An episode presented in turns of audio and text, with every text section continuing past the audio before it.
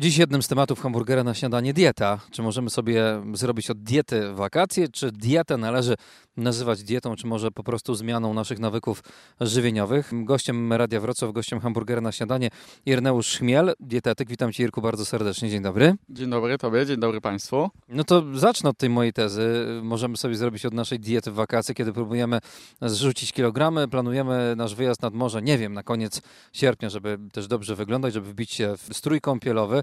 Czy taka przerwa lipcowa wchodzi w rachubę, czy raczej przez dietetyków no, dostalibyśmy takie małe pogrożenie palcem? Ja myślę, że do wszystkiego należy podchodzić z głową. E, uważam, że wakacje nie są momentem, kiedy należy redukować masę ciała, z tego względu, że czeka na nas tu i ówdzie wiele pokus, typu gofry, lody i tak dalej, więc e, trzymanie diety na wakacjach może być po prostu ciężkie. Ja tutaj e, zazwyczaj sugeruję moim pacjentom, żeby sobie zrobili przerwę, ale przerwę racjonalną, czyli chodzi o to, żeby nie objadać się nie wiadomo w jaki sposób, tylko żeby przemyśleć pewne kwestie, zjeść, zjeść tego gofra, zjeść loda, natomiast nie robić tego w nadmiarze kalorycznym.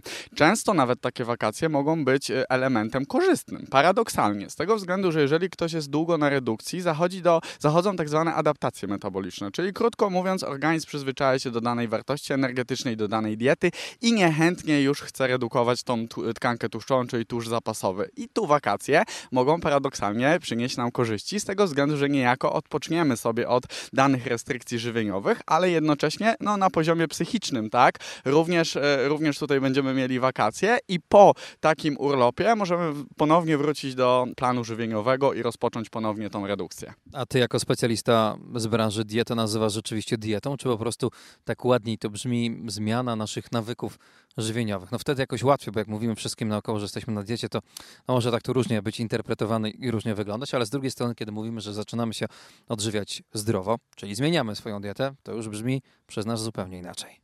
Oczywiście, zgadzam się z Tobą. Jeżeli chodzi o definicję diety, to w ogóle jest to sposób żywienia. Czyli jeżeli ktoś objada się słodyczami, je hamburgery, tak tutaj nawiązuję znowu do Twojego nazwiska, to również jest na diecie. Tylko pytanie jakiej? Czy jest to dieta zdrowa, czy niezdrowa? E, zdecydowanie lepiej nazywać to zmianą nawyków żywieniowych zdrowym odżywianiem, ponieważ to lepiej brzmi. Często gdzieś tam w pracy, jak rozmawiam z moimi pacjentami, klientami, to na dietę rzeczywiście, na słowo dieta dziwnie ludzie patrzą, a więc tutaj sugeruję, żeby jednak rzeczywiście zmiana nawyków żywieniowych, zdrowe odżywianie, tego terminu lepiej używać. Na co możemy sobie nieco więcej pozwolić w tym okresie odpoczynku, kiedy jedziemy nad polskie morze albo w góry, bo raczej mało osób wybiera się teraz gdzieś tam na południe Europy. Gdybyśmy byli tam, no to dieta z owoców morza jest chyba dietą idealną. Jak jesteśmy u nas, to taka rybka z grubą y, panierką na oleju we fryturze wchodzi w rachubę? Z tego co widzę, to już coraz więcej e, restauracji wychodzi naprzeciw klientom, czyli są już takie menu w cudzysłowie fit, e, które może dany klient wybrać, e, czy to nad morzem, czy w restauracji w górach, więc myślę, że z tym nie ma problemu. Unikałbym raczej ryb z panierką, wybierałbym raczej ryby pieczone, grillowane, czy też w ogóle mięsa w tej formie. Unikałbym frytek, takich bardzo bogato kalorycznych przekąsek, które no jednak podbiją ten bilans energetyczny dzienny. Niemniej, jeżeli zdarzy się to powiedzmy raz, dwa razy w ciągu tych wakacji, e, mówię o urlopie, e, to nic się tutaj złego nie wydarzy moim zdaniem. Natomiast e, z tych elementów możemy jak najbardziej rezygnować, ponieważ no, tłuszczu z powiedzmy grillowanego karczku raczej nie wyciśniemy, tudzież z jakiejś ryby typu łosoś, natomiast z porcji frytek możemy jak najbardziej zrezygnować. Tutaj sugeruję również, żeby, żeby zwiększyć aktywność fizyczną, czyli to nie jest tak, że my nie możemy sobie na nic pozwalać. Można jak najbardziej zjeść coś bardziej bogato energetycznego, ale jeżeli wykonamy jakąś aktywność fizyczną, czyli pójdziemy w góry, czyli popływamy, czyli ten czas spędzimy, spędzimy aktywnie, a nie biernie. No, formy to my już chyba do wakacji nie zrobimy. Został nam miesiąc z małym dodatkiem, więc tu raczej nie ma się co chyba ścigać na kalorie, bo nawet gdybyśmy nic nie jedli przez ten miesiąc, pili tylko wodę, to raczej y, po nas za bardzo tego widać nie będzie. Sugerujemy także chyba w tej kwestii umiar, nawet tym, którzy próbują gdzieś tam za wszelką cenę zrzucić te kilka kilogramów, bo wakacje mają, załóżmy, w ostatni weekend sierpnia. Myślę, że takie spieszenie się do niczego tutaj dobrego nie prowadzi, również na poziomie mentalnym. Na pewno nie zdążymy. Ja tutaj sugeruję, żeby też zawsze tą redukcję e, jakoś strategicznie rozwiązać i pomyśleć, ile ona może realnie trwać. Nie spieszyć się. Tego typu podejścia, czy tego typu strategie e, głodówkowe niekoniecznie odbiją nam się dobrze na zdrowiu, chociaż głodówki mogą zostać wykorzystywane jako element zdrowego zdrowego stylu życia. Niemniej jednak to nie w takim wymiarze redukcyjnym, a raczej zdrowotnym. Jeśli chodzi o redukcję masy ciała, no to możemy sobie tutaj troszeczkę narobić problemów, stąd też proponuję racjonalnie do tego podchodzić. Nie spieszyć się, bo to również też źle działa na psychikę. Trwają wakacje, czas odpoczynku dla nas wszystkich, chociaż e, ten czas pandemiczny trochę zmienił nasze wakacje, bo perspektywa nieco inna. No i tak naprawdę od kilku miesięcy mamy długi urlop, ale wakacje to wakacje. Są lody, są gofry, sporo tych pokus czeka na nas. U nas siłą woli nieco lepiej jak u tych najmłodszych. A co z tymi najmłodszymi? Przypomnę gościem Radia Wrocław Ireneusz Chmiel, dietetyk. No właśnie, jak tu przemówić do rozsądku naszego pięciolatka, sześciolatka? Mamy wakacje, mamo, tato, zawsze były gofry, teraz gofrów nie będzie, bo ma być zdrowa. Tutaj najlepszym rozwiązaniem jest e, przygotowywanie sobie tego typu form deserów w domu. Jeśli oczywiście zdarzy się taka okazja, że wspólnie, rodzinnie wychodzimy w niedzielę, jak to się mówi w cudzysłowie po kościele, e, pójdziemy na gofra, tudzież rodzinny obiad, nic złego się nie dzieje. Natomiast na co dzień, jeśli jest taka możliwość, zróbmy owe lody czy gofry w domu, to będzie najlep najlepsza e, alternatywa.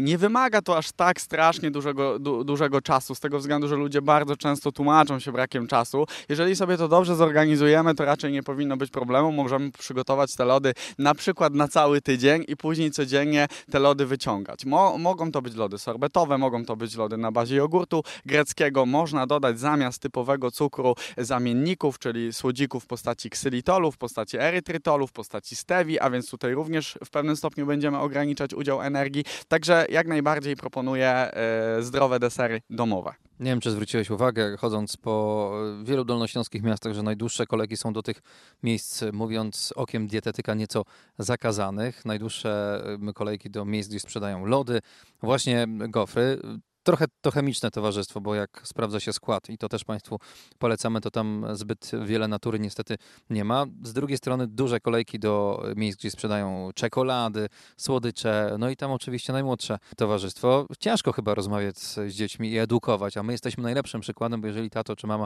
podjada czekoladę, a dziecku mówimy nie, nie, nie, dla ciebie czekolada nie jest zdrowa, no to trochę słaby przykład dajemy i ciężko tutaj o korzystny rezultat, jeśli chodzi o te nasze starania. Jest rzeczywiście z tym ogromny problem. Ja to obserwuję u siebie w praktyce codziennej. Coraz większy problem jest z dziećmi niestety.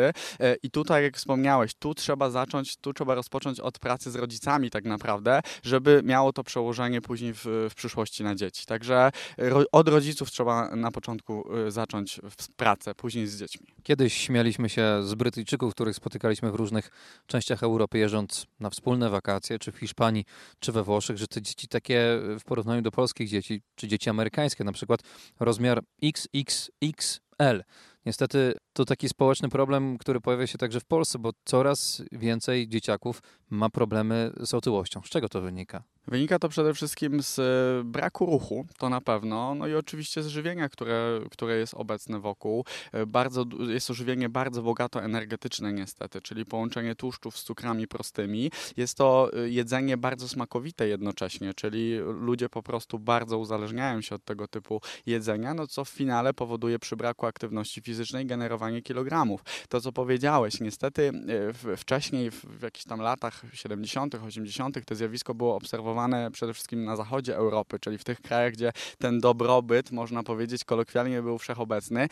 Obecnie Polska już wchodzi w, w, w ten moment, gdzie ten standard życia jest rzeczywiście lepszy, możemy sobie na więcej pozwolić. No i wynika, ja, ja, ja to nazywam, że te wszystkie choroby wynikające z otyłości są to choroby z, z dobrobytu, krótko mówiąc. Czyli mamy za dużo, nie ruszamy się, elektronika też z wielu rzeczy nas wyręcza, no i w finale konsekwencją tego jest to, że, e, że, że generujemy te kilogramy, a kaskada reakcji organizmów e, w, w przyszłości, czyli mam na myśli choroby, no jest niestety nieuchronna przy takim żywieniu. Czyli co, możemy pójść na umowę z e, naszym najmłodszym towarzystwem, że trzy kółka wokół bloku i nagrodą będzie mała kosteczka czekolady. Myślisz, że to jest dobra forma, czy powinniśmy jednak zupełnie inaczej podchodzić do rozmów a propos wydzielania słodkości, tych takich towarów, których byśmy za dużo nie chcieli dawać naszym dzieciom inaczej? Myślę, że to jest dobre podejście, czyli wykonaj aktywność, a w zamian za to nagrodą będzie jakieś tam spożycie słodyczy. Nie odbierajmy też dzieciom dzieciństwa, bo to też nie o to chodzi, żeby dziecko gdzieś tam wprowadzać w jakieś restrykcje yy, kaloryczne, takie typowe. Z dziećmi się zupełnie inaczej pracuje, ale jak najbardziej można by było było zachęcać e, dzieci w ten sposób. Najlepiej zachęcać, może nie kazać, ale zachęcać. Tak jak powiedzieliśmy wcześniej, przykład idzie z góry, a więc jeżeli tato, mama nie uprawiają żadnego sportu, no to nie dziwmy się, że dziecko również tego sportu uprawiać nie będzie. Porozmawiamy o zdrowych zamiennikach. Czy takowe istnieją? W jaki sposób możemy, nie wiem, mleczną czekoladę zastąpić sobie czekoladą inną, która, co ważne, jest równie smaczna, ale nieco zdrowsza? Możemy sobie taką czekoladę w cudzysłowie, tudzież nutellę przygotować w domu. Tutaj z pomocą idzie nam awokado, możemy dodać kakao, możemy dodać e, dobrych zamienników cukru i mówię tutaj o naturalnych zamiennikach, niekoniecznie aspartamie czy acesulfamie, ale raczej o ksylitolu, erytrytolu, e, stevii. Ksylitol o tyle jeszcze jest e, dobry, ponieważ on działa bakteriobójczo, a więc wiemy, że dzieci często nadużywające słodyczy mają problemy z próchnicą, zresztą nie tylko dzieci, a więc ksylitol będzie działać bakteriobójczo, bo wynika to najczęściej tej patologicznej flory y, bakteryjnej, która y, w jamie ustnej się pojawia. Więc ksylitol jak najbardziej. Zamiennikami takich fast foodów y, mogą być fast foody w cudzysłowie domowe, czyli zamiast typowej buły jasnej możemy wprowadzić na przykład bułkę grahamkę, zrobić dobrego hamburgera, można zrobić fishmaka w cudzysłowie, który będzie z ryby, można zrobić typowego hamburgera z dobrej jakości wołowiny, czy też drobiowego, a więc tych zamienników jak najbardziej może być wiele. Mamy tego świadomość, jak rozmawiasz ze swoimi klientami, przyjmujesz utrzymujesz ich, radzisz w jaki sposób łatwiej przejść, powiedzmy sobie, na dobrą stronę mocy, to czy ludzie mają świadomość, że takie zamienniki istnieją i czasami dla nas przejście na dietę może być nowym otwarciem, ale absolutnie nie gorszym, bo możemy poznać nowe smaki. Jak zresztą doskonale wiesz, cukier często te smaki zabija. Taki sztuczny, biały cukier, a ten naturalny powoduje, że my zyskujemy nową percepcję na smaki, poznajemy nowe smaki zupełnie nam do tej pory nieznane. Oczywiście, jeżeli chodzi w ogóle o ludzi, to jest problem tutaj taki, że rzeczywiście nie, nie mają tej świadomości nie znają tych zamienników. To, że coś jest w cudzysłowie mniej kaloryczne, czy jak to się mówi, dietetyczne, wcale nie oznacza, że musi być nie, niesmaczne. Ja wręcz przeciwnie często yy, spotykam się z takimi opiniami ludzi, że wie pan co, ja, ja tak naprawdę tak się najadam na tej diecie, to jest takie wszystko smaczne, że nie spodziewałam się, że dieta może tak, tak wyglądać. Nie dość, że ludzie są syci, na tych zamiennikach, bo, bo to są często pełnowar pełnowartościowe posiłki, to jednocześnie redukują, co jeszcze w finale działa bardziej motywująco, żeby tej diety przestrzegać. Także świadomości nie do końca, świadomość nie do końca u wszystkich występuje, taka jaką byśmy chcieli, ale jak konfrontują się u mnie w gabinecie, to jak najbardziej później są pozytywnie y, zdziwieni. Ten brak świadomości to chyba trochę brak edukacji, bo jak pewnie pamiętasz doskonale swoje zajęcia początkowe w szkole, kiedy byłeś na poziomie szkoły podstawowej, to tam dużo więcej uczyli nas y, a propos AMEP niż tego, co jest dobre, a co nie, co powinno lądować na naszym śniadaniu, a co nie, e, co jest warzywem, a co nie jest warzywem, jak powinien być zbilansowany posiłek patrząc przez pryzmat swojej edukacji, to ja nie pamiętam w ogóle, żeby jakiekolwiek zajęcia z dietetyki czy też żywienia były.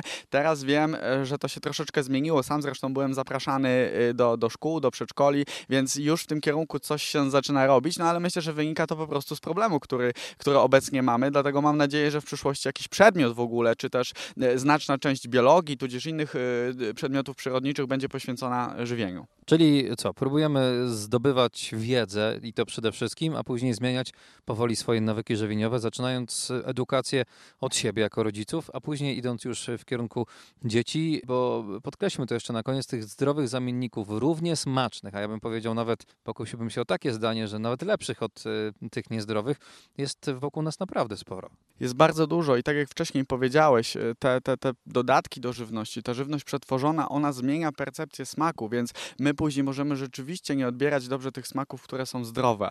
E, jeżeli zmienimy to długoterminowo, pójdziemy do dietetyka, do jakiegoś specjalisty, tudzież sami po prostu się zajmiemy, poczytamy troszeczkę, sami postaramy się zdrowo jeść, to, to na pewno w konsekwencji będziemy później odczuwać te smaki lepiej i ta żywność będzie nam bardziej smakować. I tego oczywiście Państwu życzymy, ale proszę pamiętać, że u podstawy piramidy żywieniowej jest ruch i od niego wszystko się zaczyna, bo jeżeli będziemy spalać te kalorie, to mówiąc y, tak naprawdę możemy sobie na nieco więcej pozwolić, prawda? Zgadza się. Ruch przede wszystkim, później dieta. Na koniec naszego spotkania z dietetykiem Ireneuszem Chmielem, który dziś gościem hamburgera na śniadanie, trochę o niebezpieczeństwach związanych z dietami. Wujek Google często dużo Irku podpowiada, ale nie za każdym razem te podpowiedzi są takimi, które będą mieć pozytywny wpływ na nasze zdrowie. Tak, oczywiście. Wujek Google często nam podpowiada y, to, co, co ma największą liczbę wyświetleń, czyli najczęściej jest to dieta Dukana, dieta Dąbrowskiej. Uważałbym na tego typu modele żywienia. Dieta Dukana jest wybitnie niezdrowa, ponieważ jest to dieta bogato białkowa, która e, niestety nie uczy nas żadnych nawyków żywieniowych. Kluczem tak naprawdę redukcji i utrzymywania później tych kilogramów jest zmiana nawyków. Nie ma nic na szybko. E, musimy pewne, pewne rzeczy w swoim życiu zmienić. Dieta Dukana e, jest dietą bogato białkową, która tak naprawdę po czasie się znudzi. Jeżeli ta dieta się znudzi, no to wrócimy niestety do tych nawyków, które reprezentowaliśmy wcześniej, a więc no, no, no kilogramy również wrócą. Druga dieta, która też jest taką dietą bardzo szybko przynoszącą efekty, jest to dieta dr Dąbrowskiej. Ja już tu powiem jakby dwie opinie na ten temat, ponieważ jedna jest dobra, druga zła. Jeżeli chodzi o, o dietę dr Dąbrowskiej, to pod kątem redukcji nie jestem jej zwolennikiem, ponieważ ona bardzo ogranicza tutaj udział kalorii do 600-800 kilokalorii dziennie, a więc jest to dieta bardzo hipokaloryczna. Da się oczywiście na niej schudnąć, jak na każdej diecie, która będzie miała duży deficyt kaloryczny, więc to jeżeli chodzi o redukcję, będzie na pewno skuteczna. Problem stanowi to, że znowu ona nie uczy nawyków żywieniowych, czyli znowu po takim poście, bo to tak naprawdę nazywa się post Dąbrowskiej, po takim poście niestety wracamy do tych nawyków, które prezentowaliśmy, prezentowaliśmy wcześniej, a w finale znowu wracamy do kilogramów. Natomiast pozytywnym elementem tej diety jest rzeczywiście jej silny element zapalny, czyli dieta jest bogata w warzywa, przede wszystkim w owoce, a więc przy niektórych chorobach, takich jak reumatoidalne zapalenie stawów, jakieś w ogóle choroby związane ze stanem zapalnym, ona może, może wykazywać korzystny efekt. Natomiast pod kątem redukcji niekoniecznie. Jeżeli chodzi o tą dietę, no to też przez pewien pryzmat specjalisty bym do tej diety podchodził, skontaktowałbym się z kimś, kto się po prostu na tym zna. Nie każdego jednak stać na wizytę prywatną u dietetyka. Czy są takie e, poradnie i czy nie trzeba e, czasami oczekiwać na wizytę nie wiem, roku albo dwóch lat, jak co w niektórych specjalizacjach lekarskich?